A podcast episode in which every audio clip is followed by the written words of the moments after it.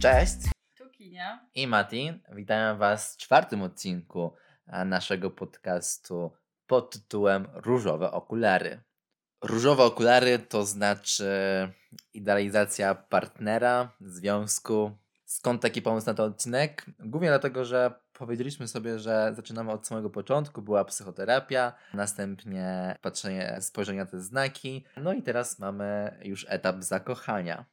E, czyli już jesteśmy w związku, spotykamy Tak. się z drugą osobą i najczęściej. Różowe okulary, jest super. Tak, i właśnie wtedy najczęściej wyobrażamy sobie naszego partnera w samych w superlatywach. Wygooglowałem sobie definicję idealizacji partnera i teraz cytuję. Iluzje w bliskim związku to znaczy efekt poznawczy występujący u osób w bliskich relacjach polegających na postrzeganiu swojego związku i partnera w tendencyjny, nadmiernie pozytywny sposób. I badania wykazują, że 95% osób uważa swojego partnera za atrakcyjniejszego, sympatyczniejszego i posiadającego większe poczucie humoru od innych. Uważa się też, że posiada on więcej zalet, które są do tego bardziej niezwykłe niż w przypadku zwykłych nieśmiertelników. Jednocześnie wady są pomniejszane lub negowane. Ludzie są przekonani, że ich związki są lepsze niż związki znajomych i przyjaciół. Wierzą także, że będą trwalsze, mimo wiedzy o tym, jak wiele relacji się rozpada. Tak, ja właśnie Mm. słyszałam o tym, że dużo osób e, tak robi, że na przykład jak obserwuje jakieś relacje z boku i one się nie podobają, to my usilnie wierzymy w to, że na pewno stworzymy inną relację niż wszyscy dookoła i że nasza relacja będzie superowa, nie taka wadliwa jak e, u innych. No tak, no od razu z góry zakładamy, że wszystko jest idealnie i że my mamy najlepiej, że pokazujemy te same lepsze strony naszego związku. No i czytając dalej, 87% osób uważa, że deklaruje, że ich związek będzie trwał dłużej od przeciętnego. Do tego dochodzi, że cenimy swojego partnera wyżej niż jego znajomi, wyżej niż on sam siebie, a nawet wyżej niż my samych siebie. To ostatnie kryterium jest szczególnie wyśrubowane, bo badania pokazują, że większość z nas uważa, że za lepszych od przeciętnych ludzi. Przebicie własnej wysokiej samooceny, czyli uznanie, że ktoś jest fajniejszy, atrakcyjniejszy i mądrzejszy niż my sami. Tak, ja w ogóle słyszałam, że też jest tak, że jak my kogoś e, poznajemy, to trochę projektujemy swoje pragnienia i na przykład deficyty, głównie z dzieciństwa, tą drugą osobę i chcemy je przypisać tej drugiej e, osobie. Czyli na przykład jeśli nam brakowało w dzieciństwie jakiegoś ciepła albo rozmowy, Mhm.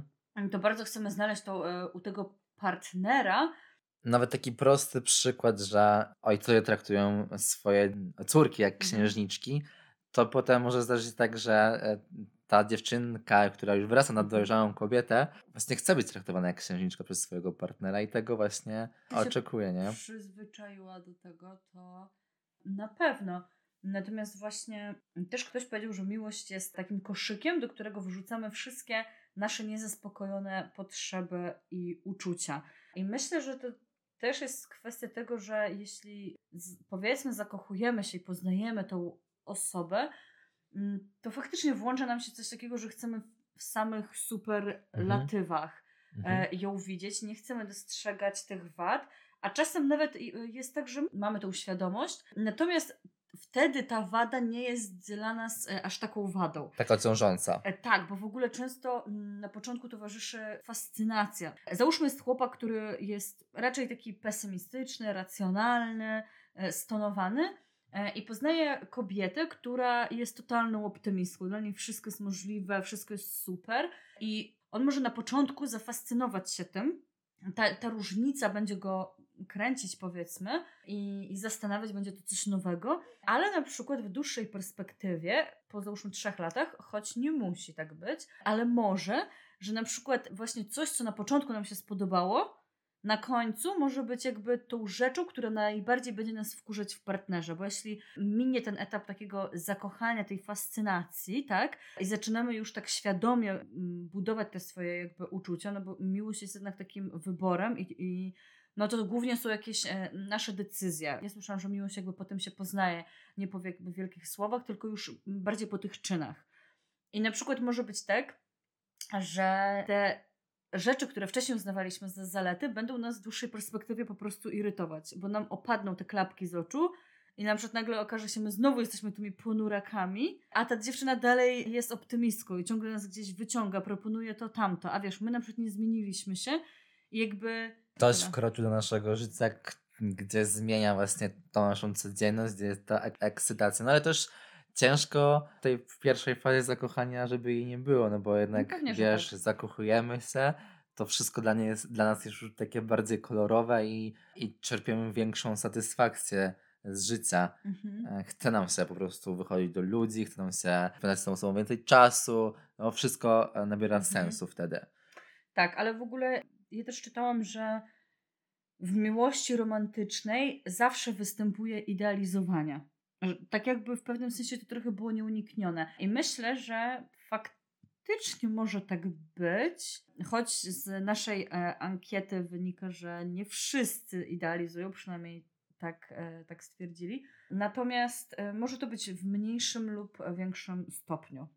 Ja też uważam, że jeśli jesteśmy na tym etapie tej idealizacji partnera, to nawet jeśli zauważamy te wszystkie wady, to dla nas one stają się takim, przeobrażam je w dobro w pewnym sensie, że mhm. machamy to ręką. Tak że... jak mówiłam, że te wady tak, nie są do końca tak. wadami, nie? Tak, dokładnie tak, że te wady nie są do końca wadami, e, machamy je ręką i one nam wtedy nie przeszkadzają na ten moment, ale w przyszłości jednak mogą nam robić jakąś drzazgę.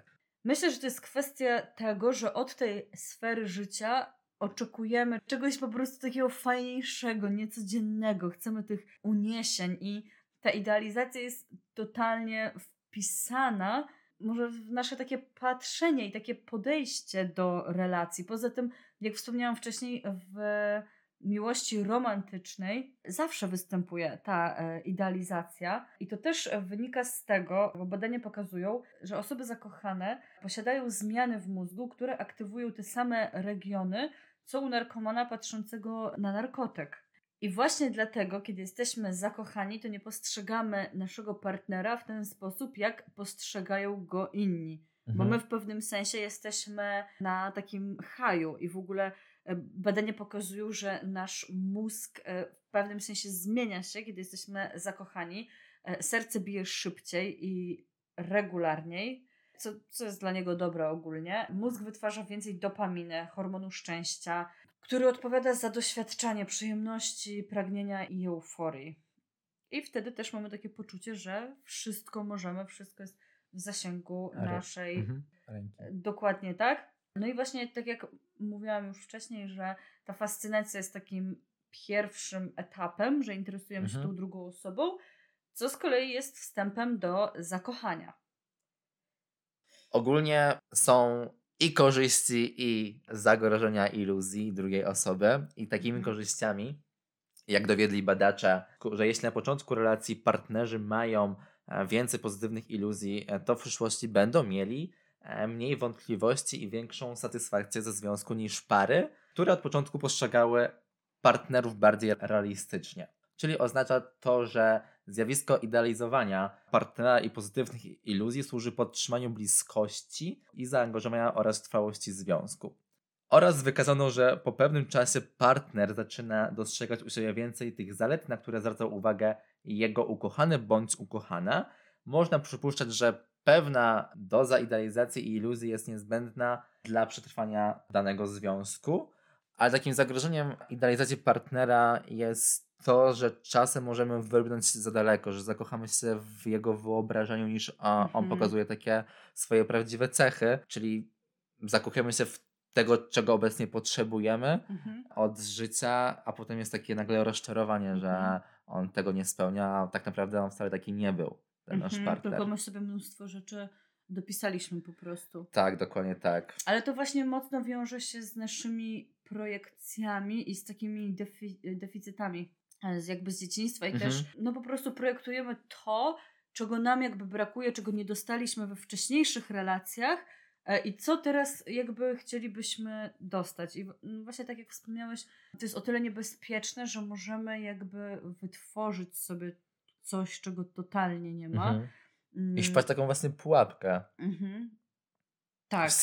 we własną w sumie pułapkę, bo my ją tak. stwarzamy. Ja właśnie nawet słyszałam e, tytuł, nawet nie wiem, czy to była piosenka, czy może jakiś artykuł, że wymyśliłam sobie ciebie.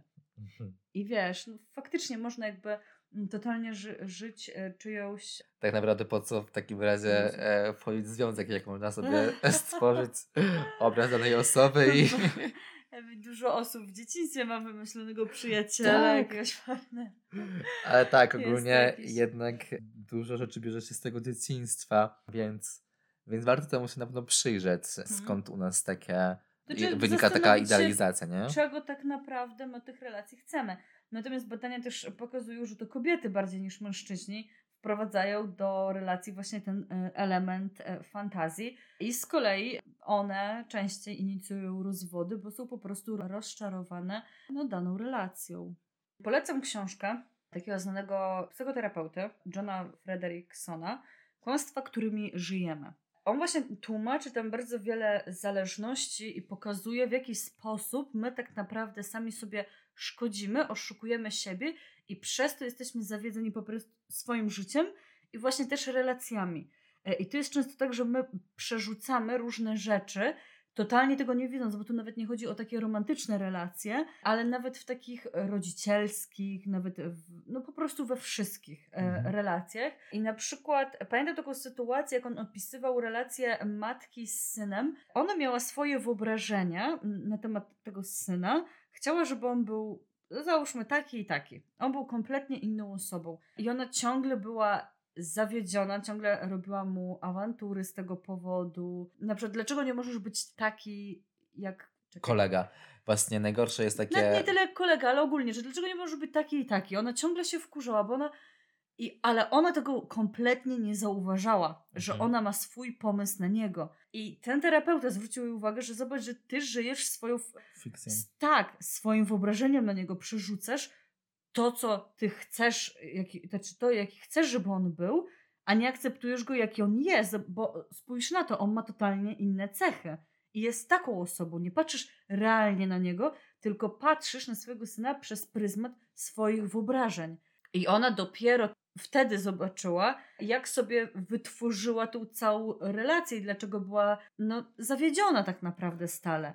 Dopiero jak po prostu przestała to robić i zaakceptowała go takim, jakim jest, no to zmieniło się jej podejście. Ale też właśnie w tej książce było wspomniane, że my często dlatego jesteśmy zawiedzieni swoim życiem, bo my żyjemy myślą, jak chcielibyśmy, żeby ono wyglądało, a nie patrzymy tak jakby realnie i nie bierzemy rzeczywistości taką, jaka, jaka po prostu jest.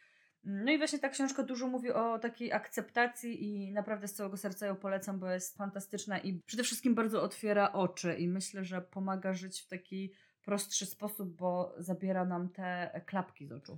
Tak teraz sobie myślę, jak mówiłaś o tym, o tej masce i tym chłopcu, że przez takie wyobrażenia, takie stworzenie sobie wyobrażenia możemy skrzywdzić i nie tylko siebie, ale właśnie w otoczeniu tak naprawdę. Mhm. Ale myślę, że my tale robimy i dużo osób robi to na wielu mhm. płaszczyznach. Zadaliśmy również pytanie na grupach i zrobiliśmy również też ankietę e, z pytaniem, czy zdarzyło Wam się idealizować partnera.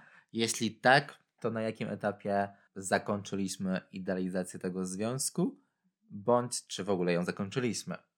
Tutaj pani Sylwia pisze, tak wygląda pierwszy etap zakochania zauroczenia. Nie widzimy wad, bo jesteśmy jak narkoman na haju, a mhm. obraz rzeczywistości jest postrzegany przez różowe okulary. Gdy ten etap minie, zelżeje, emocje opadną, zaczynamy dostrzegać wady partnera, których wcześniej nie zauważaliśmy. E, to mechanizmy, etapy czasami miłości na tym etapie mylimy z fascynacją, zauroczeniem. I było jeszcze kilka innych odpowiedzi, ale co z nich wynikało, to to, że każdy, kto się wypowiadał, to idealizował swój związek. Natomiast to się zmieniło już przy kolejnej relacji, że ludzie stali się bardziej świadomi i właśnie co jest dla mnie mega super zaskoczeniem, to to, że jednak stajemy się coraz bardziej świadomi, to psychologia poszła do przodu i że ludzie wyciągają wnioski ze swoich poprzednich relacji, jeżeli coś tam nie leżało, przypatrują się swoim też wadom i już w następnej e, relacji nie wchodzą w tą błędną idealizację tego związku. Również były odpowiedzi kilku kobiet, które o tym, że ta idealizacja, ta, to zakreślenie tej idealizacji bierze się z, z poczucia własnej wartości, strachu przed samotnością bądź z tego dzieciństwa i że trzeba to w jakiś sposób sobie przepracować, żeby wejść takim właśnie zdrowszym w kolejną relację.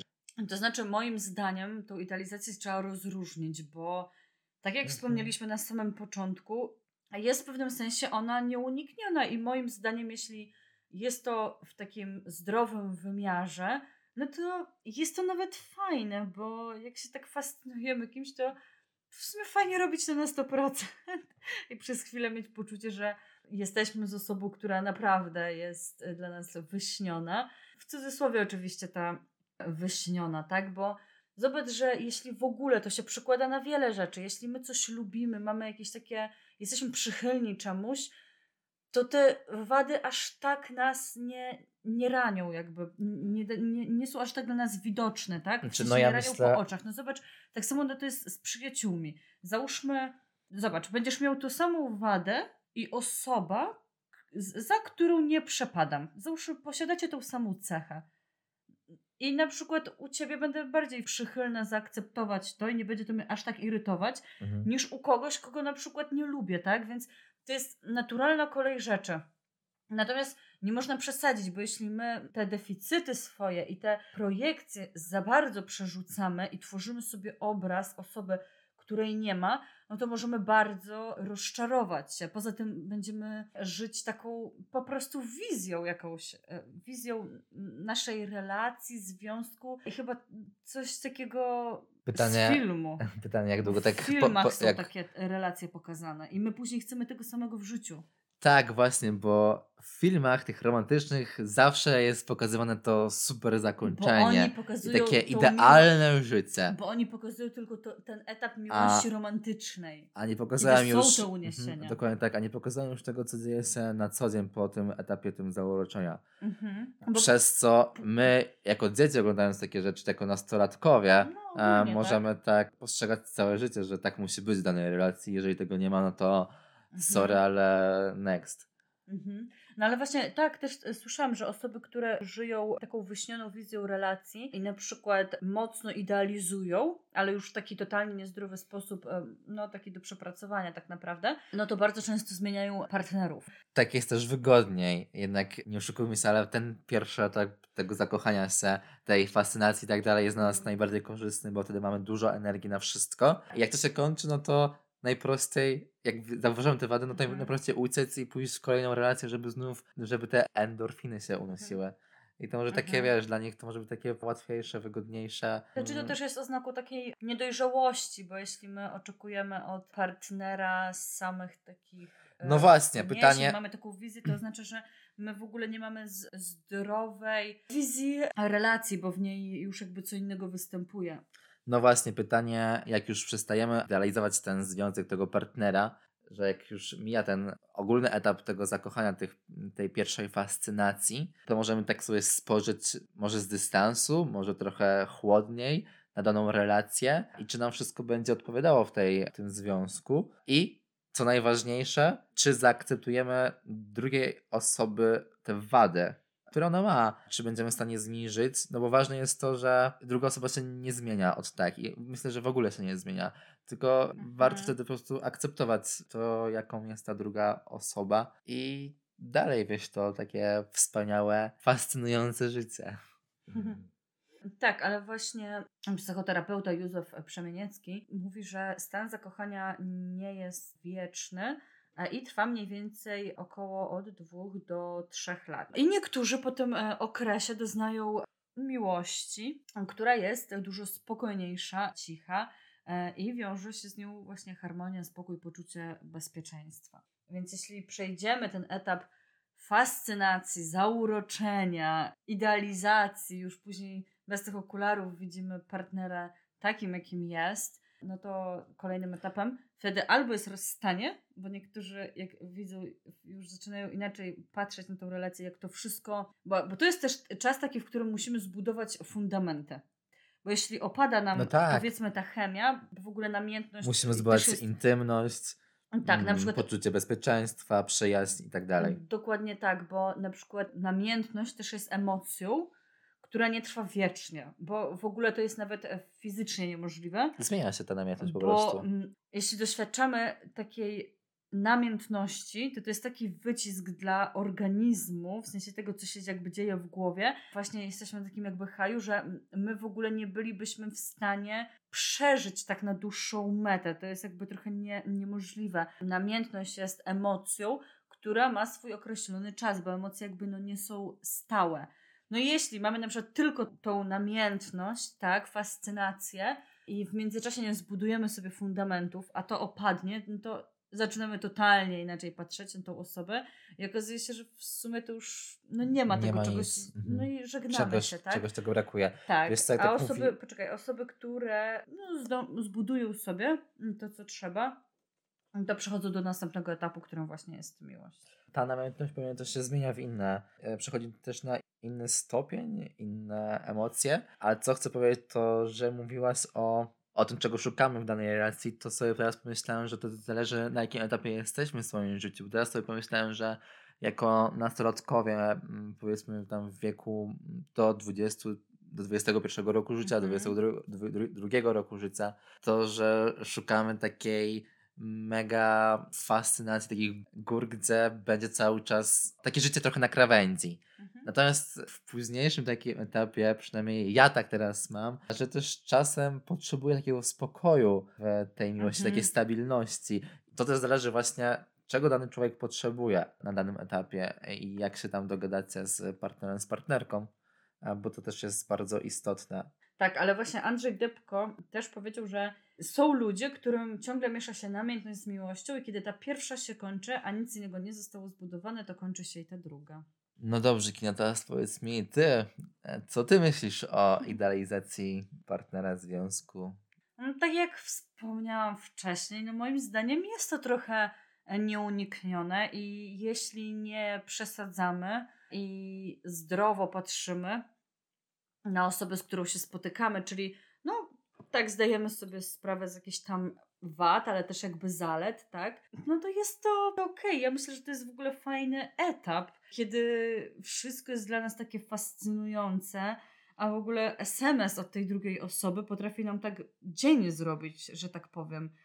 I ten ciągły uśmiech, przecież mm, w ogóle po, tych, po osobach zakochanych bardzo to widać. One jakby trochę unoszą się nad ziemią i jest w ogóle taki, jest taka scena w filmie Nigdy w życiu, kiedy bohaterka zakochuje się, ona jest rozwódką, została z, z nastoletnią córką i poznaje faceta i właśnie zakochała się. Pewnie wszyscy to oglądali ten film, ale jest tak, taki moment, w którym ona jakby wchodzi do pracy i każdy się obraca, zastanawia się, co się stało, że ona jest taka odmieniona i i faktycznie coś w tym jest. Ja na przykład ogólnie dobrze wspominam taki etap zauroczenia drugą osobą. To właśnie, po pierwsze nie trwa wiecznie taki etap, to też dobrze, ale miło się go wspomina i fajnie w ogóle mieć w życiu taki czas, w którym ciągle jest się szczęśliwym i to z takich banalnych e, powodów, bo w ogóle wtedy nawet jeśli faktycznie nam coś się dzieje złego albo mamy jakiś taki problem w życiu, to z kolei wtedy ten problem nie jest aż takim problemem.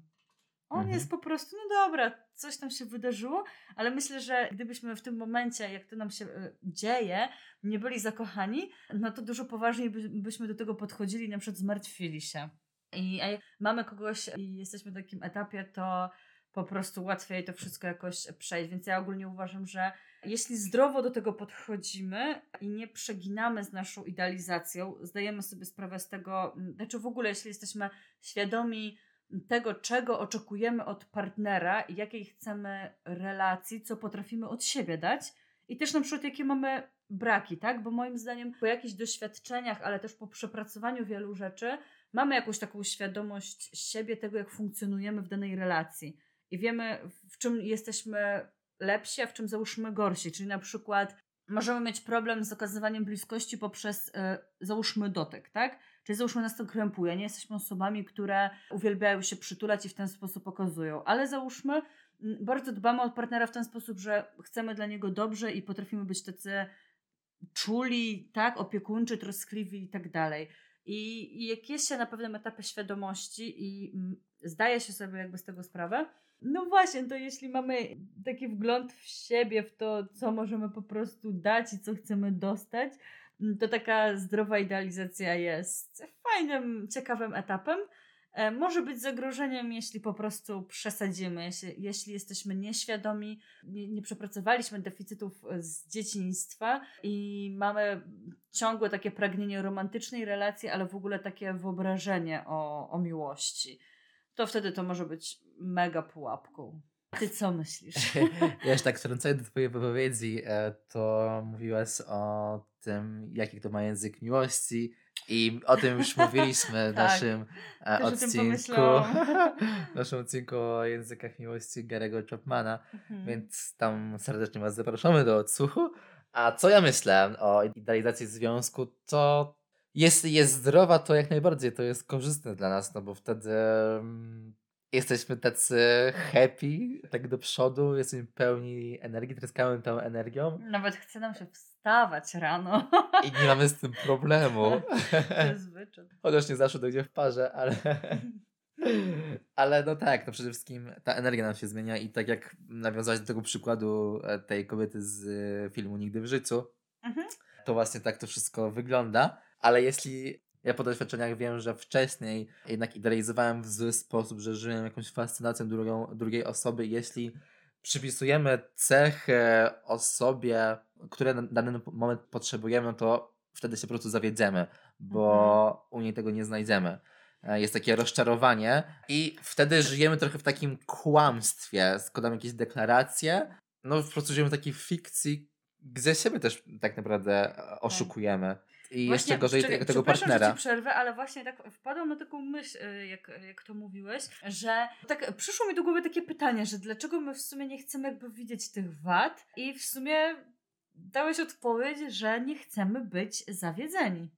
Że my Mhm. dlatego nie chcemy tego widzieć. Mhm. A my czasem w sumie podświadomie trochę to widzimy, ale trochę nie dajemy tego głosu dojść do, do świadomości, żeby to nie chcemy, żeby to nam się przebiło, bo my po prostu nie chcemy czuć się rozczarowani. To jest odpowiedź. Tak, dokładnie tak. I e, jeszcze kończąc moją wypowiedź, to ja też spojrzałem na to, jakie były mi zarzucone wady i sobie je przekminiłem po prostu, Mhm. więc warto w następnej relacji, jak już, e, jak już wchodzimy w dany związek, to pomyśleć przede wszystkim o tym, czego chcemy, jakie mamy wady i wejść takim bardziej świadomym. Myślę, że ta świadomość dużo nam daje w życiu. Oj, bardzo. Ale w ogóle doświadczenie. Ja zauważyłam, że. No e, tak, no bo doświadczamy i dzięki te temu stajemy się relacje świad- nas świadomiej. Tak uczą, świadomi. tak, tak. No. Choć nie każdego w sumie. Ale zauważyłam taką tendencję, że właśnie jak mamy jakieś te doświadczenie, to już w tych relacjach jakby jesteśmy coraz lepsi po prostu. Ważne, żeby nie wiemy, jak, jak to robić. Tak, ważne, żeby nie powielać swoich schematów. Kończąc ten odcinek, mamy nadzieję, że Wam się spodobało. Zachęcają Was do oceny naszego podcastu. Jest to też bardzo przydatny element. Będzie nam miło. Tak, ale w ogóle, bo właśnie zapomniałam powiedzieć. Bo my robiliśmy ankietę wśród właśnie naszych słuchaczy i okazało się, że 77% idealizowało swojego partnera, partnerkę. 54% osób przestało to robić powyżej dwóch lat związku. E, 46% poniżej tych e, dwóch lat, bo mniej więcej tyle trwał tr- okres zakochania tych różowych okularów od właśnie dwóch czy trzech lat i aż 59% osób nie zauważało wad partnera, partnerki, e, które w, w cudzysłowie wszyscy z boku widzieli. Mhm. Więc w sumie problem powiedzmy dotyczy To większości. mnie zastanawia te 52%, które powyżej dwóch lat idealizował tego partnera, czy wciąż to robi. I tym właśnie akcentem zakończmy. Do usłyszenia w kolejnym podcaście.